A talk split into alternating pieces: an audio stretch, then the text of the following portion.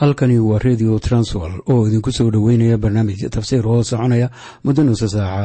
Waxaana barnaamijkan codka waayaha cusub ee waxbarashada idiin soo diyaariya masiixiin soomaaliya.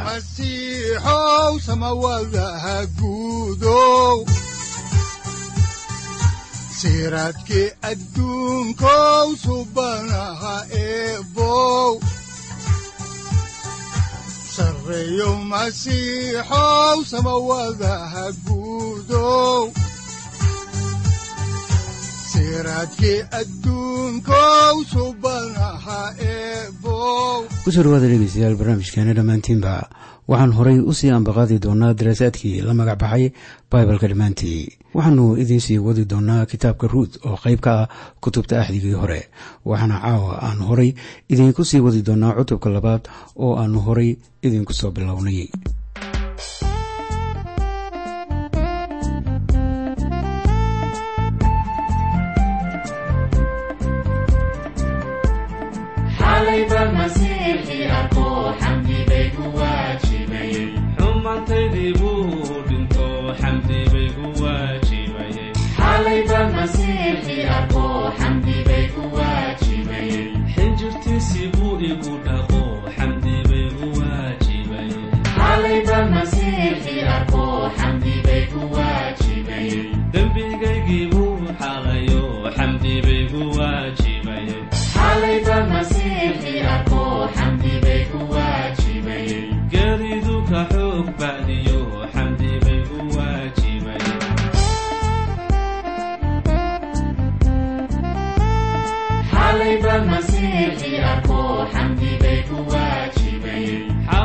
ka soo baxayo xamdi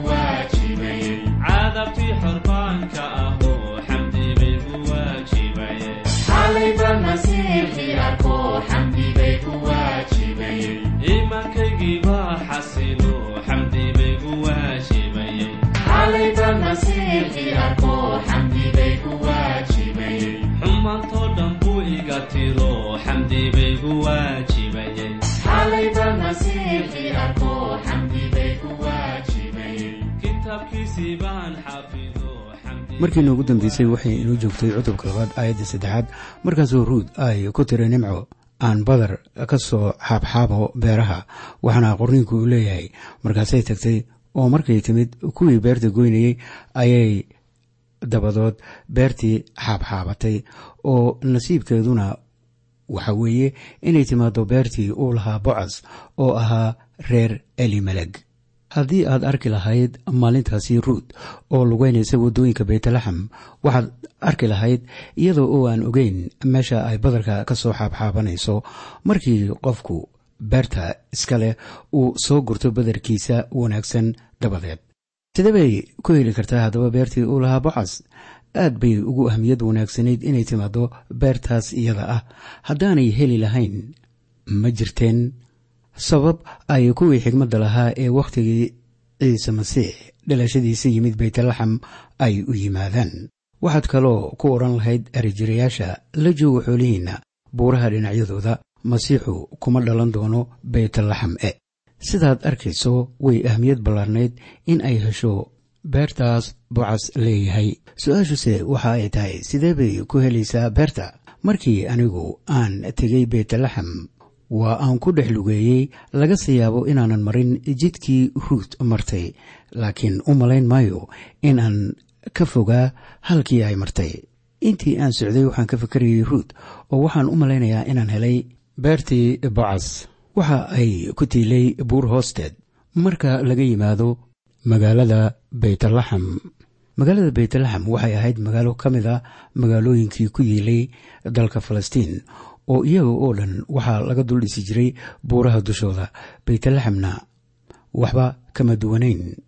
Markaad abuurta ka soo degto halka hoose oo ah dhul bacrin wanaagsan ayaa waxaa ku tiilay beertii bocas markii ay soo tagtay ruud maalintaasi ma aysan garanaynin meesha ay ku socoto qorniinkuna waxa uu leeyahay qayb ahaan oo nasiibkeeduna waxa weeye inay timaado beertii uu lahaa bocas oo ahaa reer elimeleg marka la eego aragtideedana way ka soo kordhacday ama si lama filaana ayaay ku timid beertii bocas haddaba sidaa lama filaanka ah ayay ku timid beerta tanina waxa ay ina dhex keenaysaa su'aasha ah sidee bay ku heshay beerta bocas iyadoo ay muhiim u ahayd inay beerta timaado miyaa ilaah u calaamadeeyey meesha ay tegayso amase seenyaale tusaya beerta ay tegayso ayaa jiray.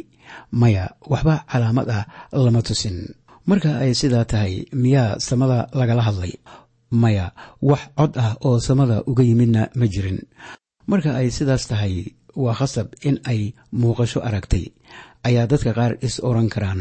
Xitaa wax muuqasho ana ma aysan arkin.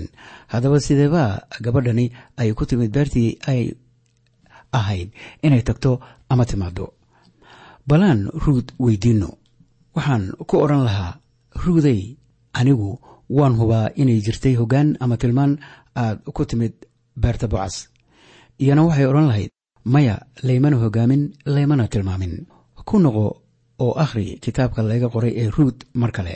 Waxaa la qoray oo nasiibkeeduna waxa weeye inay timaado beertii uu lahaa bocas oo ahaa reer elimeleg markii la eego haddaba aragtida aadamiga ah waxay ahayd un nasiib laakiin markii aragtida ilaah la eego waa wax kale. Ilaah ayaa ku hogaaminayay inay timaado beerta laga doonayay inay timaado laakiinse uma uusan hogaaminaynin iyada sida dadka qaarkii ay la tahay in ilaah wuxuu hogaamiyo. Dadka qaar ayaa u macnaysta doonista ilaah sida in ay la mid tahay telegram kaaga yimid western union oo ah hay'ad wax hawisha waxay kaloo u fasirtaan sida in doonista ilaah ay la mid tahay warqad kaaga timid samada. Saaxiib ilaah sidaas wax uma sameeyo maanta ilamana ahan inuu dad badan sidaasi ula macaamilo. Markii aan egno kitaabka axdigii hore dadka qaar ayaa uu u hogaaminayey si toosa laakiin ruud kama mid ahayn dadkii ilaah sida tooska ah uu u hogaaminayey waxay iila eg tahay in go'aankii ruud uu ka muhiimsanaa go'aamada kale oo la gaari ilaa waxa uu ku yidhi yonis kac oo tag ninawe sida ku qoran kitaabka yonis cutubka koowaad aayadda labaad. Wuxuu kaloo yeremiyaah yiri xisqeel ku yidhi dadka la hadla waxaan markaa idinku leeyahay wixii uu nebiyadaasi ku yidhi kama muhiimsanayn in ruud ay gaarto beertii bocas waayo dhalashadii masiixu uu ku dhalan doonay beytlaxam ayaa ku xirnayd inay tagto beertaas iyada ah. Haatan ilaah baa go'aaminaya wax kasta oo sheedda ayaa uu kala socdaa xaalka taasina waa wanaagga ay leedahay doonista ilaah iima sugna in loo baahan yahay in ilaah aniga iyo adigaba siiyo khariidadda halka aan marayno. Mararka qaar waxaan jeclaan lahaa inuu ina siiyo khariidad. Waxaan maqlaa maanta dadka qaarkii oo sheegaya sida in ay haystaan khariidad ilaah siiyey. Waxa ay yidhaahdaan waxay ahayd doonista ilaah inaan sidan iyo sidaas sameeyo oo waxaan garanayaa intanina ay tahay doonista ilaah. Waxaan markaa jeclaan lahaa inaan xaqiiqadan helo sannado badan ka hor mar aan wadaad ka ahaa caliban texas ayaa waxaa teleefon iisoo diray laba kiniisadood fariimuhu waxa ay ka kala yimaadeen bariga texas iyo galbeedka california. Anigu ma aanan aqoonin fariinta ii timid tan aan qaato. Haddaan daacadda ka hadlo markaasaan wejiga dhulka saaray oo ilaah baryey inuu ii dooro tan aan qaato labada fariin ee ii timid. Waxba fariin ah ma aanan helin ama muuqaal ah. Balse markii aan maqlay doctor ironside oo ka hadlaya go'aamada uu ka qaadan jiray arrimaha horyaalla ee noloshiisa waxa uu yidhi boqolkiiba siddeetan waxaan u malaynayaa in tirsigaasu sidan ahaaye. Go'aamada aan qaatay ma aanan ogeyn inay ahaayeen doonista ilaah. Ma uusan ogeyn in go'aamadii uu qaatay ay waafaqsanaayeen doonista ilaah balse kol dambe ayaa uu ogaaday. Markii aan taas maqlay kadib guriga ayaan soo aaday oo waxaan u sheegay xaaskayga in xaalku uu soo caddaaday oo aan dareemay inaan aado californiya iima xaqiiqsanayn laakiin waxaan dareemay inay halkaa ahayd meesha geediga aan ku ahay. Marka laga hadlayo doonista ilaah ee noloshaada haddii ay kula tahay in uu seenyaale ama calaamad ku tusayo luuq waliba oo aad marayso ama in samada cod kaaga imanayo waad khaldan tahay ilaah sidaas ma sameeyo oo markii aan maqlo dadka oo leh sidaas waxaan garanayaa in wax ka khaldan yihiin ama inay isku taxluujinayaan in ay qof khiyaamaan.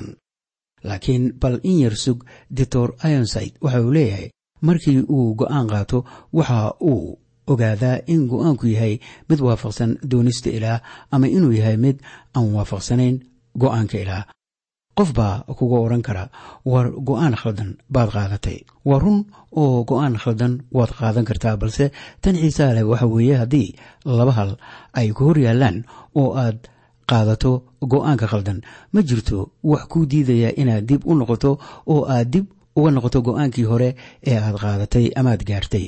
Kan haray waa kii saxda ahaa. Marka waa wax la yaab leh sida dadka qaarkii maanta ay ugu turjuntaan sida in doonista ilaah ay tahay arrimaha dabacsan ama iyaga la wanaagsan. Haddii ay ahaan lahayd go'aanka dabacsan kaasu ma noqdeen go'aanka ay ruud qaadatay. Haddii ruud aad weydiin lahayd inay garanaysay doonista ilaah ee ah in ay tagto beerta bocas waxa ay kugu odhan lahayd garan maayo waxa aad ka hadlayso. Haddii aad ku odhan lahayd maxaad u dooratay beertii aad timid. Waxaan u malaynayaa inay kugu odhan lahayd waan ka ducaystay xaalka intaanan guriga ka soo bixin saakay. Waxaan ilaah weydiistay inuu i hogaamiyo.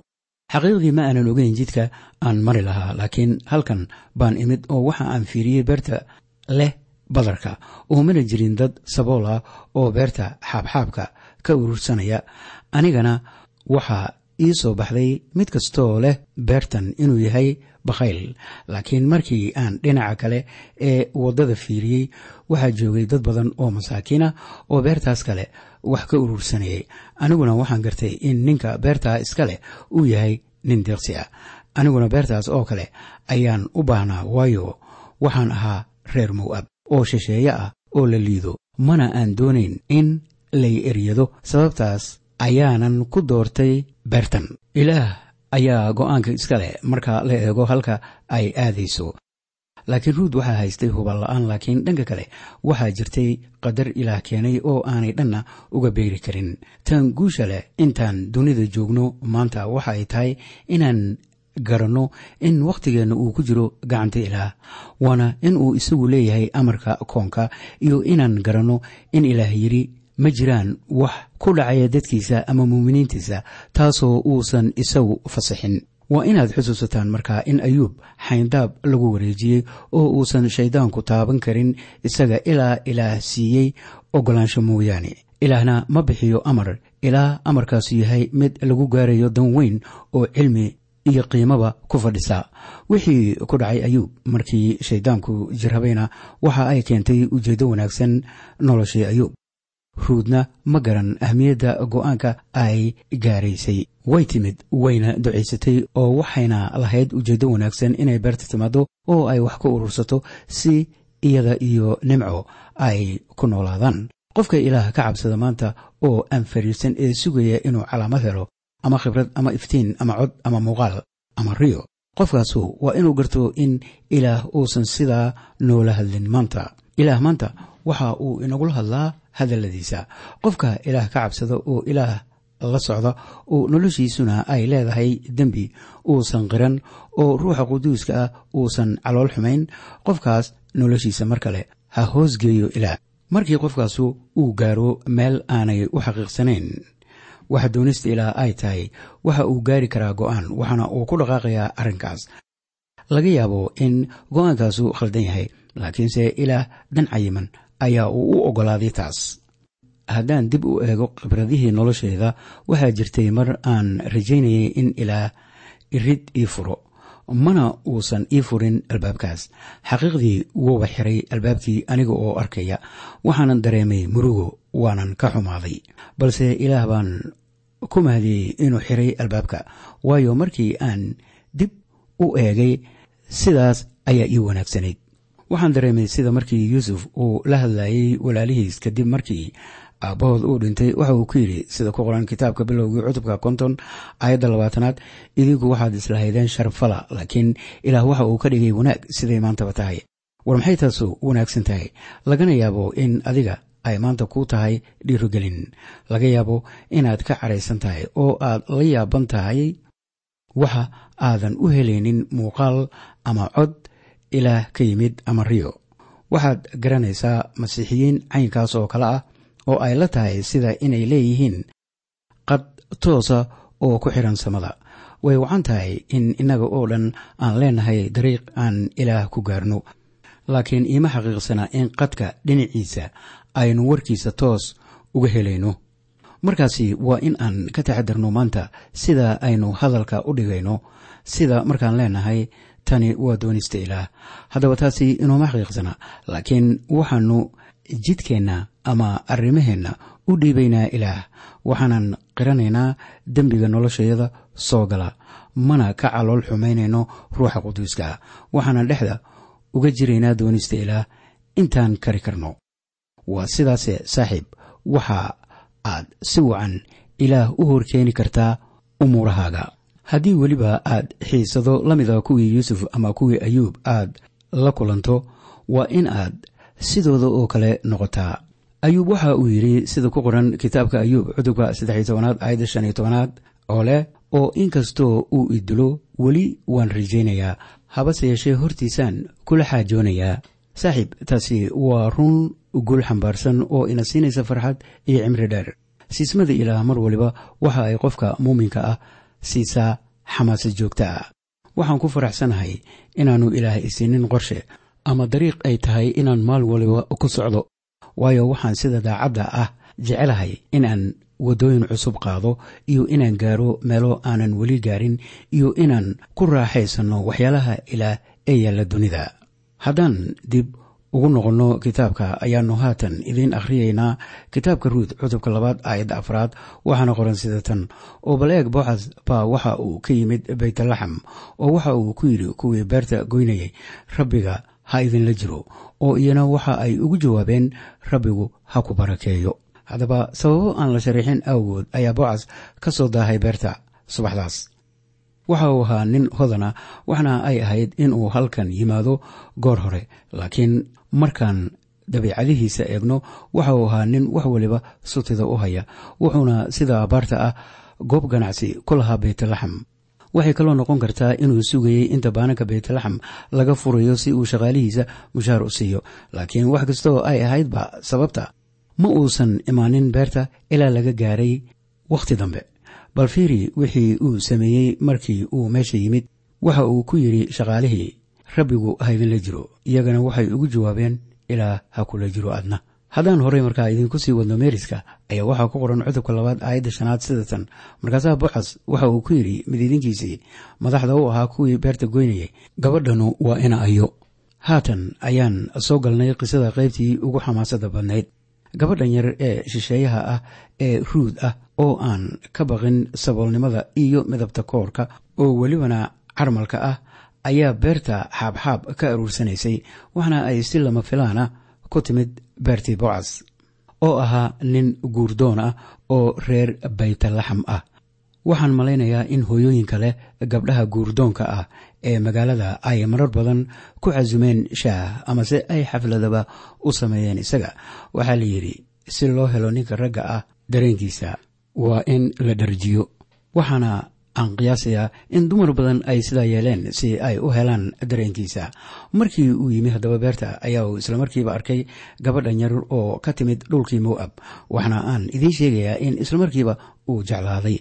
Sida qorniinka noqliga king james leeyahay oo ah kan laga minguuriyey baibalka soomaaliga ah ayaa leeyahay waa tuma haweenaydan qorniinka qaar baa qoray in bocas yiri war xaggee gabadhanu ku maqnayd taasoo aanan arag haatan ka hor. Bocas waxaa galay jacayl gabar marla arag ah uga yimid. Sida xaqiiqda ana wuu jeclaaday ruut waxaana beertii bocas ka hana qaaday jacayl dhaba.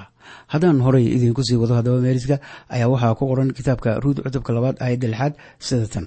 Markaasaa midiidinkii kuwii beerta goynayay madaxda u ahaa waxa uu boocas ugu jawaabay waa gabadhii reer mowab ee nimco kala soo noqotay waddankii reer mowab madaxii shaqaalaha ayaa u jawaabay oo ku yidhi hubaal uma baahnid naagtan barashadeeda waxa ay timid beertan. Waxaa laga yaabaa inuu ka cudur daaranayay inaanu isagu ahayn wixii gabadha meesha keenay. Haddaan horay idinku sii wado haddaba meeriska ayaa waxaa ku qoran cutubka labaad aayadda toddobaad sida tan oo waxa ay igu tidhi waan ku baryayaaye aan beerta xaabxaabo oo aan kuwa beerta goynaya dabadood. Xidhmooyinka wax ka dhex urursado. Taas aawadeed way timid oo waxbay urursanaysay subaxdii ilaa haatan in yar oo ay guriga ku maqnayd mooyaane. Inkastoo boocas jeclaaday gabadhan shisheeyaha ah ayaanu markii hore ninkan maamulaha ahi uusan garan wuxuuna ka cudur daaranayaa imaashaheeda ay meesha timid.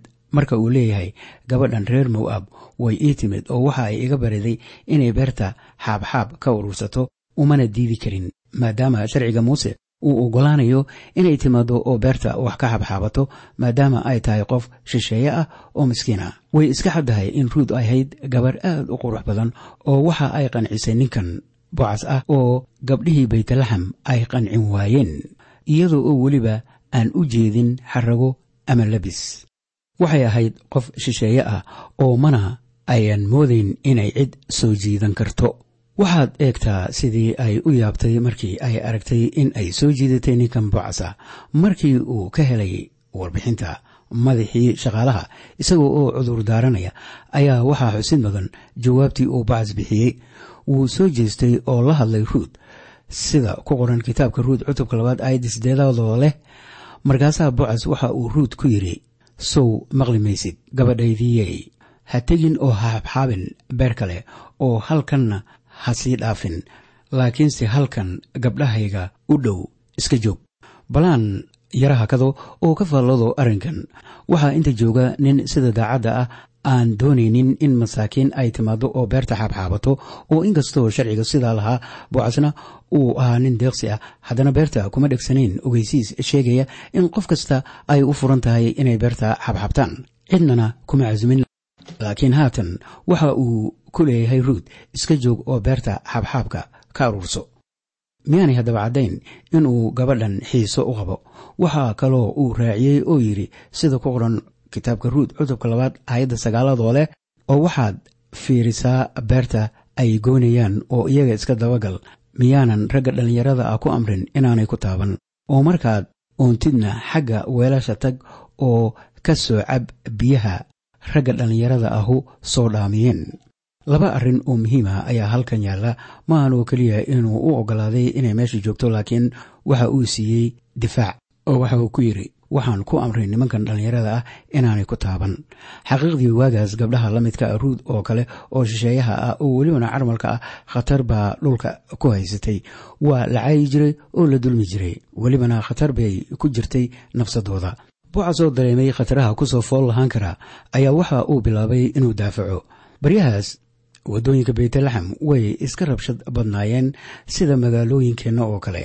Waxaana muhiim ah in kuwa dembiilayaasha ah la marsiiyo mudankooda oo aan loogu eexan qabiil sida ay maantaba tahay oo ninka dembiilaha ah uu yeelanayo qabiil wax kastoo uu sameeyaba haddaan horey idiinku sii wado haddaba meriska ayaa waxaa ku qoran kitaabka ruud cutubka labaad aayadda tobanaad sida tan. Markaasay wejiga u dhacday oo dhulka ugu foorarsatay oo waxa ay isagii ku tiri maxaad raalli iiga noqotay oo aad ii garatay anoo ah mid qalaad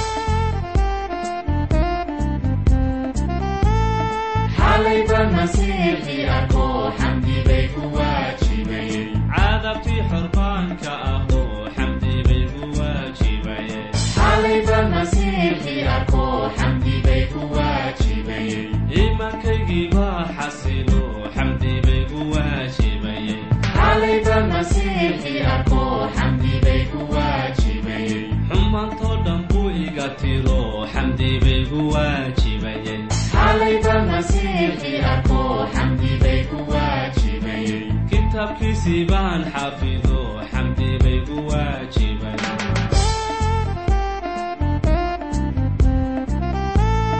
xalayba masiixi arko xamdi bay ku waajibay xaalaquda qaanahayo xamdi bay ku waajibay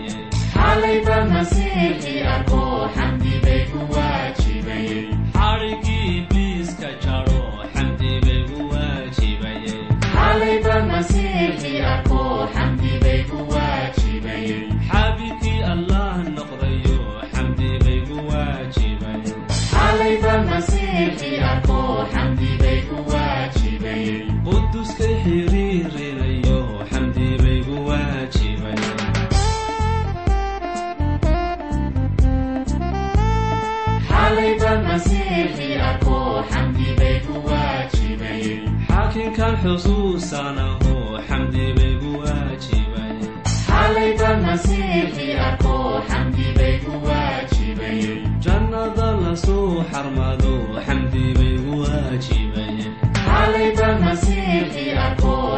bay ku waajibay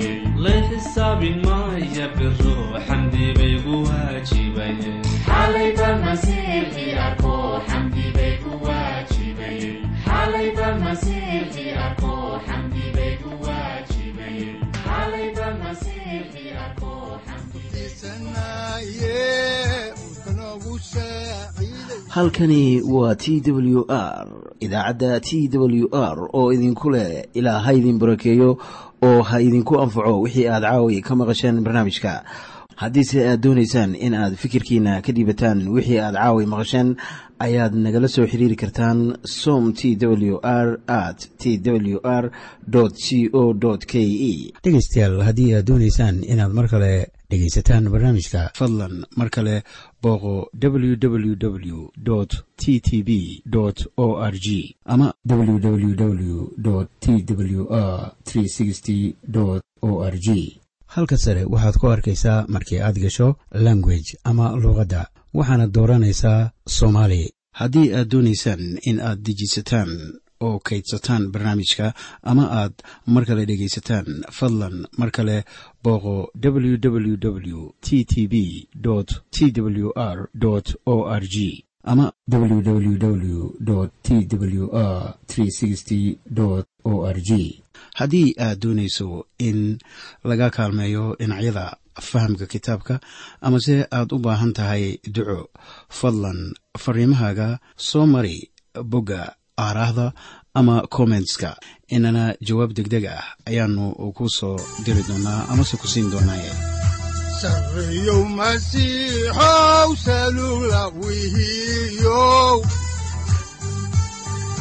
Saacadda timid dhulka sabada ku dhalatiyo